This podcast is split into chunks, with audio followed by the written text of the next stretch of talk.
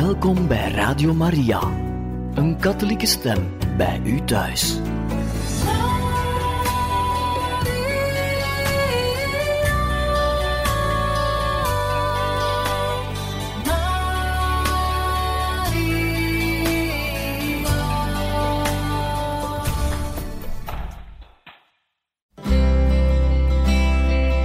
Welkom bij Boekat, een programma van Radio Maria.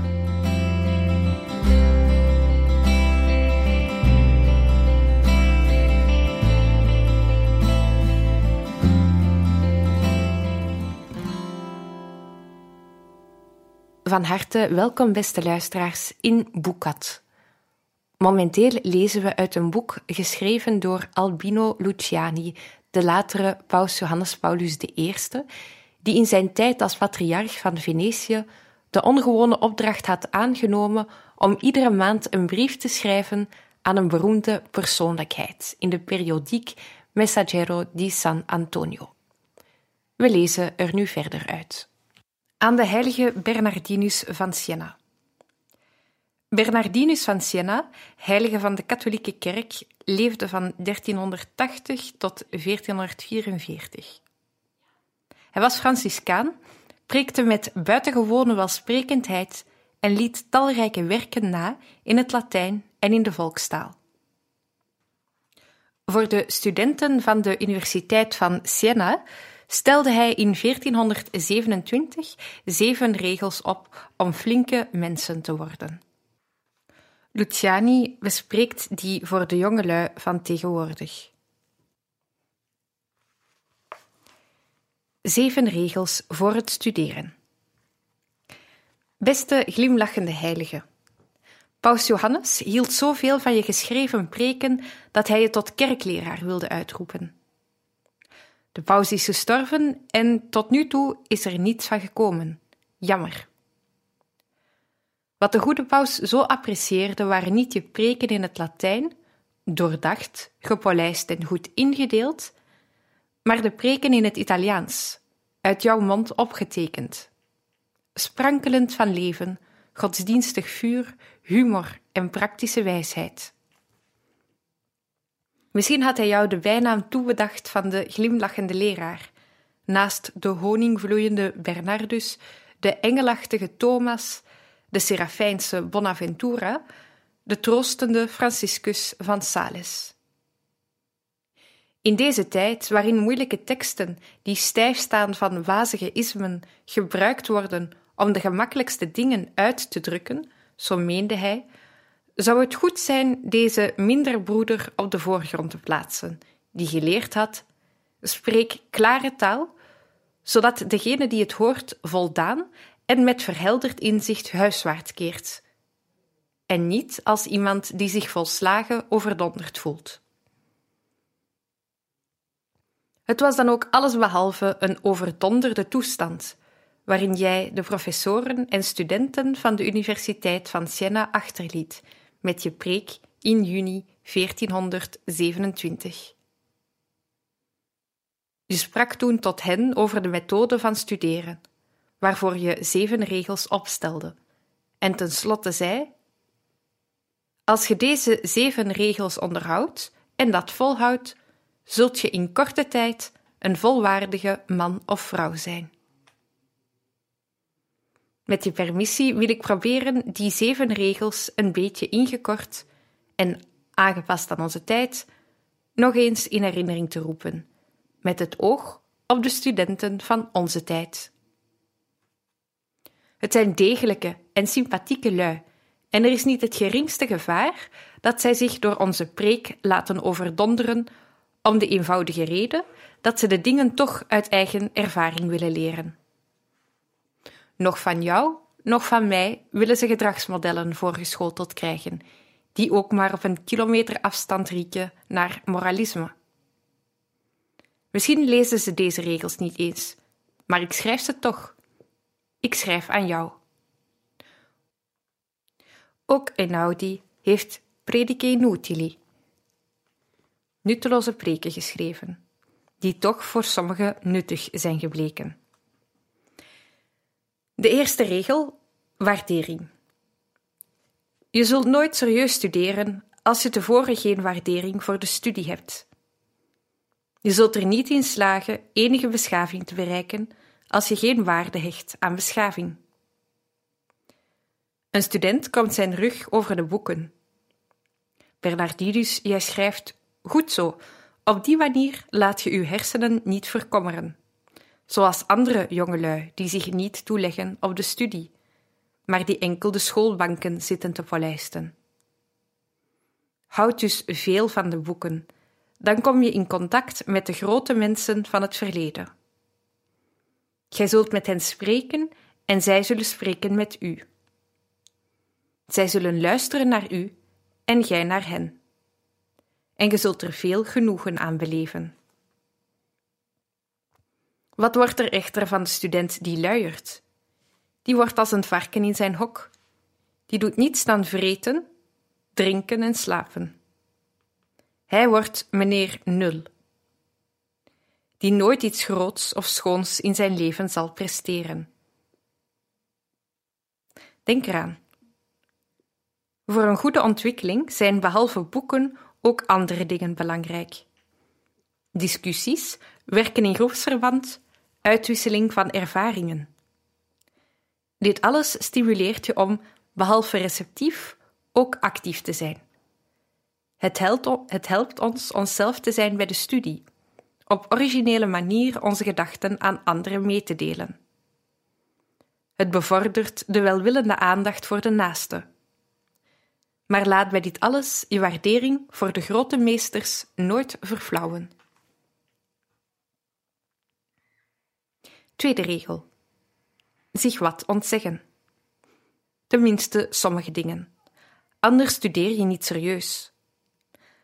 Atleten moeten zich veel dingen ontzeggen. Een student is ook een soort atleet. En jij, beste Fra Bernardino, hebt voor hem een hele lijst van verboden dingen opgesteld. Ik noem er hier maar twee: slecht gezelschap en slechte lectuur. Eén zedeloze kan allen bederven. Eén aangestoken appel die naast andere gelegd wordt, brengt ze allemaal aan het rotten.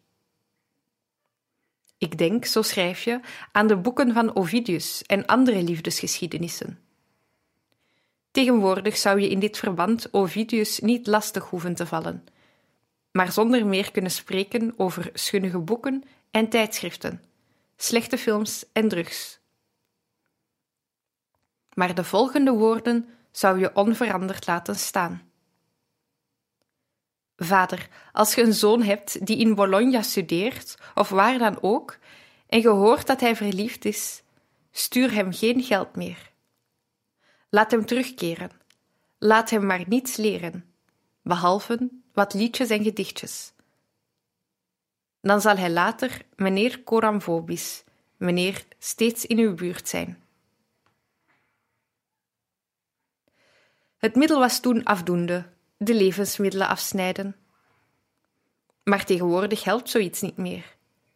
De staat neemt, als het nodig is, de plaats van de vaders in en betaalt de universiteitsstudenten het nodige geld uit. Er is nog één hoop: dat de student gebruik maakt van het middel van de potsenmaker. Je kent het.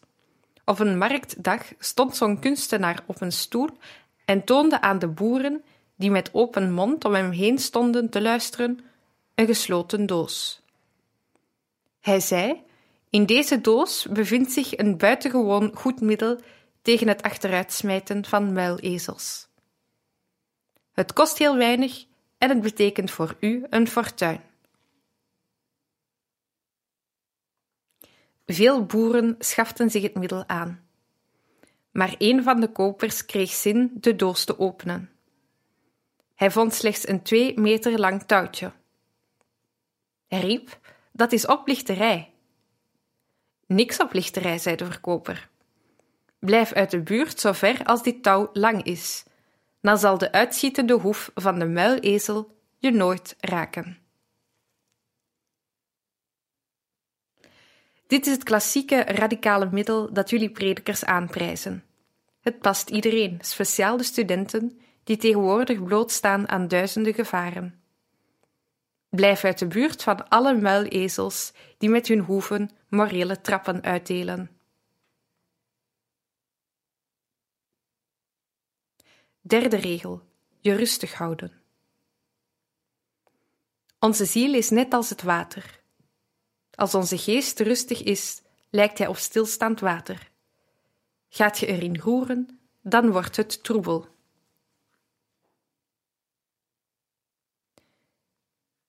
Je moet die geest dus rustig en bedaard houden als je wilt studeren, concentreren en onthouden. Wanneer je je hoofd opvult met al de personages van de sensatiebladen, films, televisie en sportevenementen, zo aangrijpend en meermalen laag bij de gronds verderfelijk. Hoe kun je dan verwachten dat je geest de gedachtegang van de studieboeken kan volgen, die in vergelijking daarmee zo bleek en kleurloos zijn?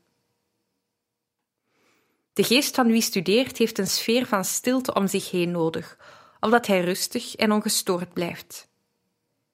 Jij, diep vrome broeder, geeft de raad dat men om die rust tot God zal bidden. Je stelt zelfs een geschikt schietgebedje voor. Breng, lieve Heer God, mijn geest tot rust. Onze studenten zullen hierom lachen, die zijn gewoon heel andere schietgebedjes te verrichten.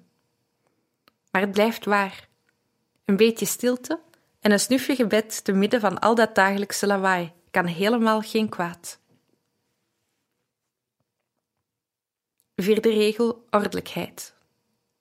Dat is orde, evenwicht, het juiste midden houden, zowel op lichamelijk als op geestelijk gebied.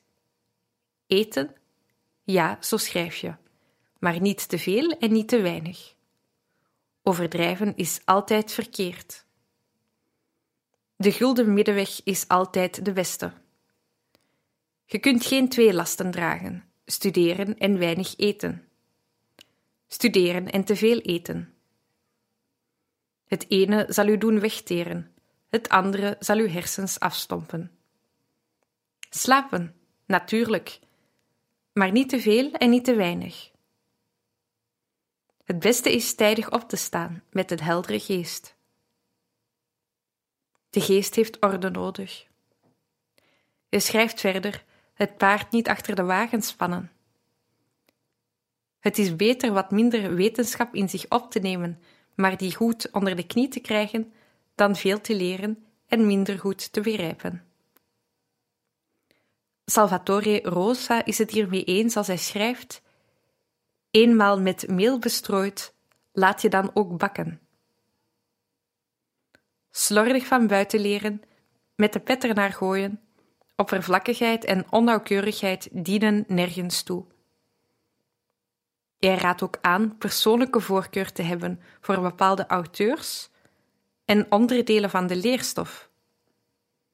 Je moet meer waardering hebben voor de ene leraar dan voor de andere, meer voor één boek dan voor het andere.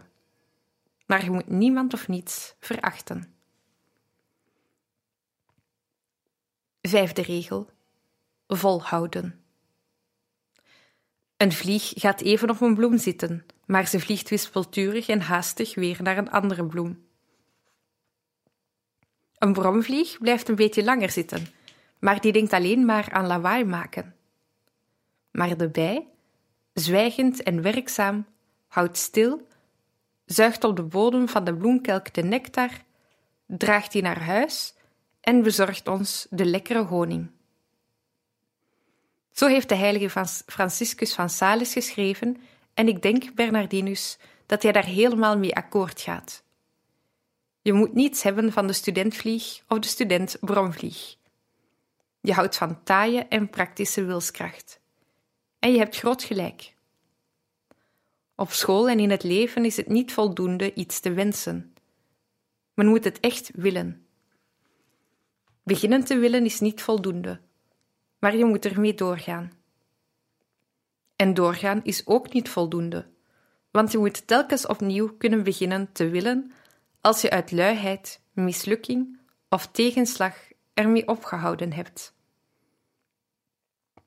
Een slappe wil is veel erger voor een jonge student dan een gebrekkig geheugen. Een robuuste en taaie wil is veel meer waard dan een scherp verstand. Maar zo'n wil wordt alleen gesmeed in de zon van Gods genade en verwarmt zich aan het vuur van grote ideeën en grote voorbeelden. Zesde regel: matiging. Dit wil zeggen stappen zetten al naar gelang je benen lang zijn. Zorg dat je geen stijve nek krijgt door het mikken op een doel dat te hoog ligt. Niet te veel hooi op de vork nemen. Niet ochtends reeds de resultaten van de avond willen bereiken. De eerste van de klas zijn is wel aardig, maar niets voor mij als ik maar over een afgemeten portie geestelijk zakgeld beschik. Ik zal werken zo hard als ik kan en ik zal tevreden zijn als ik vierde of vijfde ben. Ik zou wel vioollessen willen nemen, maar ik doe het niet, omdat mijn studie eronder zou lijden. Anders zouden ze van me kunnen zeggen: Wie hazen wil vangen met twee tegelijk, krijgt de een niet te pakken en raakt de andere kwijt. Zevende regel tot slot: voldoening. Dit wil zeggen studeren met genoegen. Je kunt niet lange tijd studeren als je het niet graag doet. En die smaak voor studeren komt niet direct, maar pas op den duur. In het begin zijn er allerlei hinderpalen. Je moet luiheid overwinnen. Er zijn andere dingen die je meer aantrekken. Het vak is moeilijk. Pas later krijg je er zin in. Dat is als het ware de beloning voor de moeite die je ervoor doet. Jij, Bernardinus, schreef: Als je naar Parijs wilt om daar rechten te studeren, ga dan in de leer bij het beest met de gespleten hoeven, de os, dat eerst eet en doorslikt en daarna op zijn gemak herkauwt. Dat woord herkauwen betekent voor jou, beste heilige, iets meer. De os geniet van zijn hooi beetje voor beetje als het smakelijk en lekker is, tot het laatste beetje toe. Zo moet het ook gaan met studieboeken, die de spijs zijn voor onze geest. Beste Bernardinus, Enea Silvio Piccolomini, uw medeburger en later paus onder de naam Pius II, schreef dat de grote heren van Italië bij je dood je reliquieën onder elkaar verdeelden. Voor de mensen van Siena die zoveel van je hielden, bleef niets over. Alleen het ezeltje bleef over, waarop je enkele keren gereden had, als je je de laatste jaren van je leven moe voelde van de reis. De vrouwen van Siena zagen op een dag het arme beest voorbijkomen, hielden het stil, trokken het al zijn haren uit en bewaarden die als reliquie. In plaats van die ezel heb ik nu een van je mooiste preken onthaard, geplukt en verminkt. Zullen die geplukte veren allen in de wind uitgestrooid worden, of zal er tenminste toch eentje door de een of ander opgevangen worden? September 1972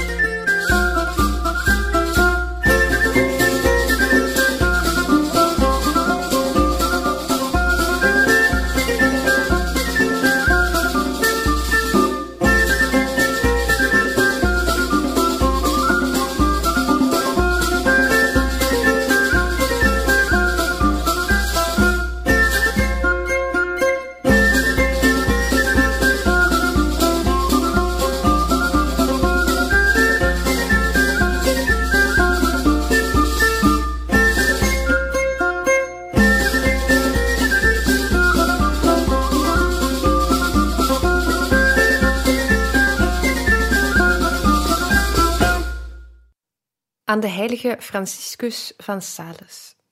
Franciscus van Sales, heilige en kerkleraar, leefde van 1567 tot 1622. Hij studeerde bij de Jezuïeten te Parijs en daarna aan de Universiteit van Padua, waar hij dokter werd in het burgerlijk recht. Hij koos voor een kerkelijke carrière, werd bisschop van Genève en zette zich in voor de bekering van de Calvinisten. Hij besteedde zijn beste tijd aan kinderen, armen en zieken. Hij schreef verscheidene geestelijke werken, waaronder Inleiding tot het devote leven en Verhandeling over de goddelijke liefde. Scheepgaan met God. Hoogst aimabele heilige. Over u heb ik een boekje nog eens opnieuw gelezen. Franciscus van Sales en ons vleeselijk hart. Het is in der tijd geschreven door Henri Bordeaux, lid van de Académie Française. Dat u maar een hart van vlees had, is iets dat u zelf het eerst hebt geschreven. Een hart dat deernis voelde, de mensen begreep en rekening hield met de werkelijkheid. U wist dat de mensen geen zuivere geesten zijn, maar dat ze een zinnelijk lichaam hebben. Met dat menselijk hart hebt u gehouden van literatuur en kunst. U hebt buitengewoon fijngevoelig geschreven en u hebt zelfs uw vriend Bisschop Camus aangemoedigd romans te schrijven. U hebt u beminnelijk neergewogen tot allen om iedereen iets mee te geven. Reeds als student te Padua had u zich voorgenomen nooit een gesprek met iemand te ontwijken of af te breken, hoe onsympathiek en vervelend die iemand ook was. Bescheiden en niet aanmatigend te zijn, vriendelijk en niet gekunsteld, toegeeflijk en niet bedweterig. U hebt uw woord gehouden. Uw vader had voor u een rijke en knappe erfgename uitgezocht en u hebt hem heel beminnelijk geantwoord: Papa, ik heb mademoiselle gezien, maar ze verdient iets beters dan mij. Als priester, missionaris en bisschop hebt u veel tijd besteed aan anderen, kinderen, armen, zieken, zondaars, ketters, burgers, adellijke vrouwen, prelaten, vorstelijke personen. U hebt, zoals iedereen, onbegrip en tegenwerking ondervonden. Uw hart van vlees leed daaronder, maar u bleef uw tegenstanders beminnen. Als iemand me het linkeroog uitstak, zo hebt u ooit gezegd, dan voel ik dat ik hem nog wel willend zou aankijken met mijn rechteroog. Als hij ook mijn rechteroog uitstak, zou ik nog mijn hart hebben om hem te beminnen. Velen zouden dit het toppunt vinden. Voor u ligt het toppunt ergens anders. U hebt geschreven: De mens is het toppunt van volmaaktheid in het heelal. De geest is het toppunt van volmaaktheid in de mens. De liefde is het toppunt van volmaaktheid van de geest. En de liefde tot God is het toppunt van volmaaktheid van die liefde. Het toppunt, het volmaaktste en het hoogste in het heelal is voor u dus God beminnen. U bent dus voor het primaat van de liefde tot God. Gaat het erom de mensen tot goede mensen te maken? Laat dan die mensen beginnen God te beminnen. Als eenmaal die liefde in hun hart ontbrand is en stevig brandt, dan volgt de rest vanzelf. De moderne geneeskunde leert: een lokale aandoening is niet te genezen als men niet zorgt de gezondheid van het hele lichaam te herstellen door middel van algemene hygiëne en door krachtige maatregelen, zoals bloedtransfusie en andere infusen. In dit verband hebt u geschreven: Een leeuw is een machtig beest dat veel fysieke middelen tot zijn beschikking heeft. Hij kan rustig gaan liggen slapen, zowel in een, verborgen hol als midden op een pad waar andere dieren voorbij komen. Uw conclusie was: word geestelijk leeuwen. Vult uzelf met de kracht van de liefde tot God. Dan hoeft je niet bang te zijn voor het ongedierte van uw tekortkomingen. Dit was volgens u het systeem van Elisabeth van Hongarije. Deze vorstin woonde dikwijls een bal of andere vermakelijkheid aan het hof mee. Maar dat bracht haar geestelijk nut in plaats van nadeel. Waarom? Omdat bij een windvlaag, bekoringen, de grote vuren van liefde tot God nog worden aangewakkerd, terwijl de kleine vuurtjes uitgaan. Verloofden van deze wereld zeggen: Uw hart is een prieel. Maar later ontdekken ze dat het prieel helaas niet voldoet en willen ze daar niet langer verblijven, omdat hun hart er kou heeft gevat. U hebt geschreven: Zodra de bijenkoningin naar buiten vliegt, wordt zij omringd door haar bijenvolk. Zo neemt, als in een hart de liefde tot God binnentreedt, tegelijk ook de hele stoet van andere deugden daar zijn intrek. Verwachten dat de deugden gevonden worden in een ziel die God niet bemint, is, volgens u, hetzelfde als van vandaag op morgen een sportprestatie verwachten van een slap lichaam. Wie zijn organisme versterkt met de liefde tot God, bereidt een kampioen voor en leidt hem met zekerheid naar de toppen van heiligheid. Maar welke liefde tot God? Er is een liefde die bestaat in zuchten, jammeren en vrome blikken ten hemel sturen. Er bestaat ook een liefde die mannelijk en flink is, een tweelingbroer van de liefde die Christus bezat toen hij in de Hof van Olijven zei: Niet mijn wil, maar uw wil geschieden. Volgens u, beste heilige, moet de mens die God bemint zich inschepen op het schip van God, vastbesloten de koers te varen die is aangegeven door Gods geboden, door de voorschriften van hen die hem vertegenwoordigen en door een levenswijze die hij toestaat. In uw verbeelding hebt u een interview gehad met koningin Margaretha toen ze op het punt stond met haar man Lodewijk IX van Frankrijk scheep te gaan naar het oosten. Waar gaat u heen, mevrouw? Waar de koning heen gaat. Maar weet u precies waar de koning heen gaat? Hij heeft me het wel in het algemeen gezegd, maar ik hoef eigenlijk niet te weten waar hij heen gaat. Voor mij is het voornaamste dat ik met hem meega. Maar mevrouw, hebt u dan geen enkel idee over deze reis? Nee, geen enkel idee, behalve dit. Ik wil in het gezelschap van mijn beminde heer en koning zijn. Uw man zal naar Egypte gaan. Hij zal Damiate, Akron en vele andere plaatsen aandoen. Bent u van plan ook daar naartoe te gaan? Eigenlijk niet. Ik heb geen andere wens dan bij mijn koning te zijn. De plaatsen waar hij naartoe gaat interesseren me niet, tenzij ik daar bij hem ben. Ik ga niet daarheen, ik volg mijn man. De reis zegt me niets. De aanwezigheid van de koning is voor mij genoeg.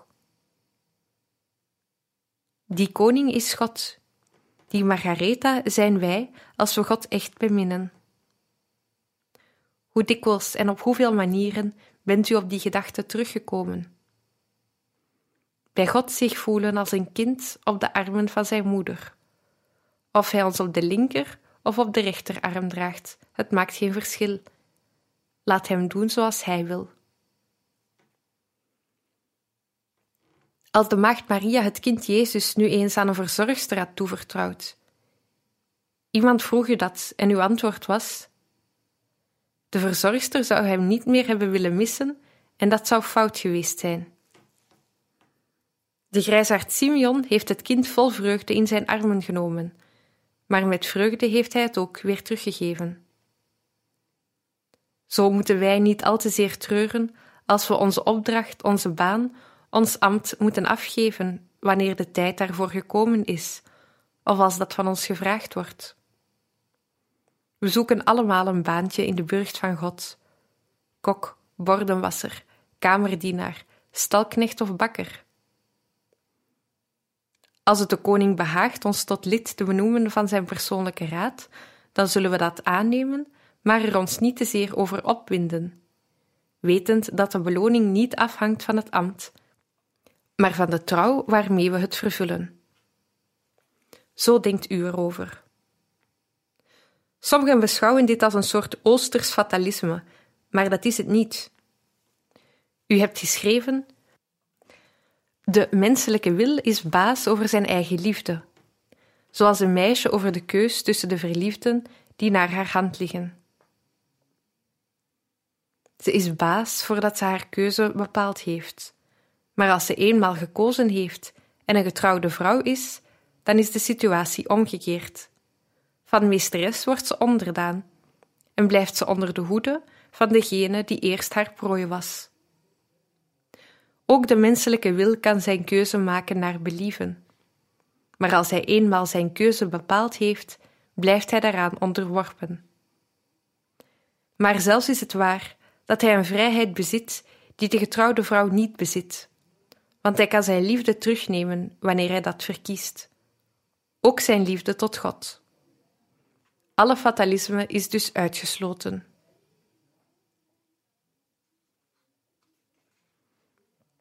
De politici moesten u eens kunnen horen. Die meten elke handeling af naar het succes. Lukt het?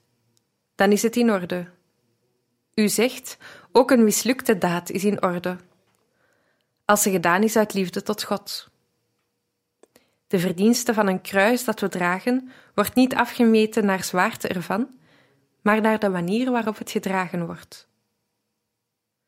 Zo kan het verdienstelijker zijn een kruisje van stro te dragen dan een groot ijzeren kruis, als men het doet uit liefde tot God. Kan eten, drinken of wandelen verdienstelijker zijn dan vasten of zichzelf geeselen. Maar u gaat nog verder en zegt: De liefde tot God kan, in zekere zin, de dingen veranderen. Ze kan handelingen goed maken, die op zich onverschillig of zelfs gevaarlijk zijn. Dit is het geval met dobbelen of dansen. Als men het doet ter ontspanning en niet omdat men er gek op is, een poosje en niet tot men er moe en suf van wordt, nu en dan, zodat het niet een inspanning wordt in plaats van een ontspanning. We moeten dus letten op de kwaliteit van onze handelingen, niet zozeer op de kwantiteit. Hebt u gelezen wat kort voor, voor uw tijd Rabelais geschreven heeft over de devoties die men de jonge Gargantua, vader van zijn Pantagruel, aangeleerd had? 25 tot 30 missen per dag horen, zoveel malen Kyrie eleison bidden, dat het voor 16 kluizenaars genoeg zou zijn. Als u dat gelezen hebt, dan hebt u daarop ook het antwoord gegeven in de vermaningen voor uw zusters van de visitatie. Het is goed vooruitgang te maken, maar dat moet niet zijn in het aantal van uw godvruchtige oefeningen, maar in de manier waarop je ze verricht. Het vorig jaar hebt je driemaal in de week gevast. Dit jaar wilt je dat aantal dagen verdubbelen, en dat kan. De week is lang genoeg. Maar het volgend jaar. Als je het aantal nog eens wilt verdubbelen, zult je negen dagen in de week moeten vasten, of twee keer per dag. Denk eraan, het is dwaasheid als martelaar in India te willen sterven en ondertussen hier uw plichten niet te doen. Met andere woorden, het gaat niet om het verrichten van veel devoties, maar om het hebben van devotie, om het devoot zijn.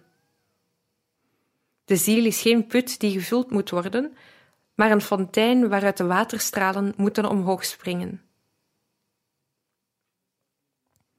En niet alleen de ziel van die zusters. Volgens deze beginselen is heiligheid niet meer het voorrecht van kloosterlingen en wordt ze een mogelijkheid en een plicht voor iedereen. Het wordt niet een gemakkelijke onderneming. Het is de weg van het kruis, maar meestal een gewone weg.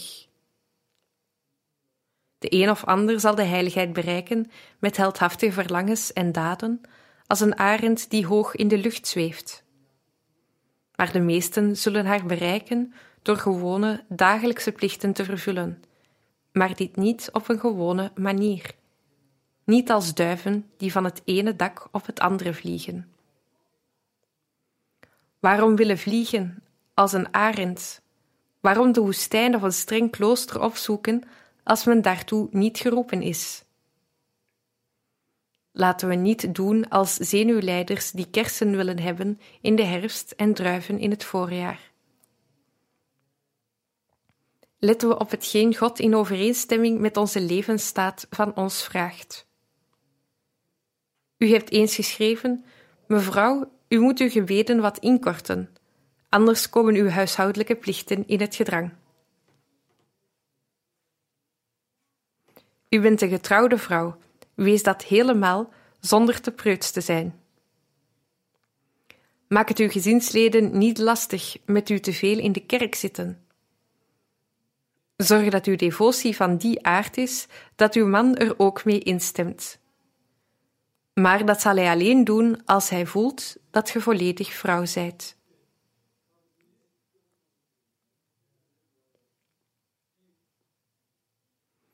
Om te besluiten, zie hier het ideaal van de liefde tot God, geleefd in het volle leven.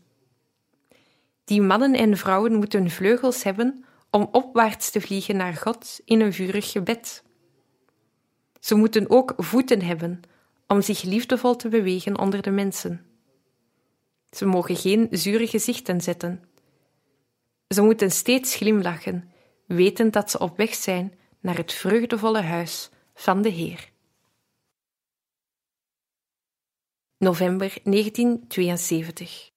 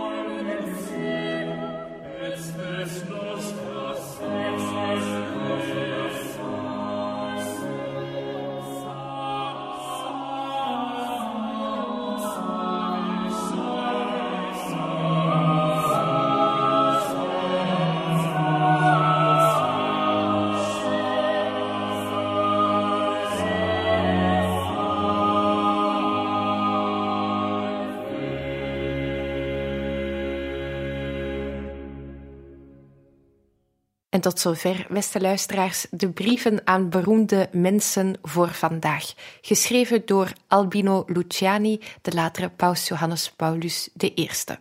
Radio Maria wenst u nog een mooie dag toe en veel luisterplezier.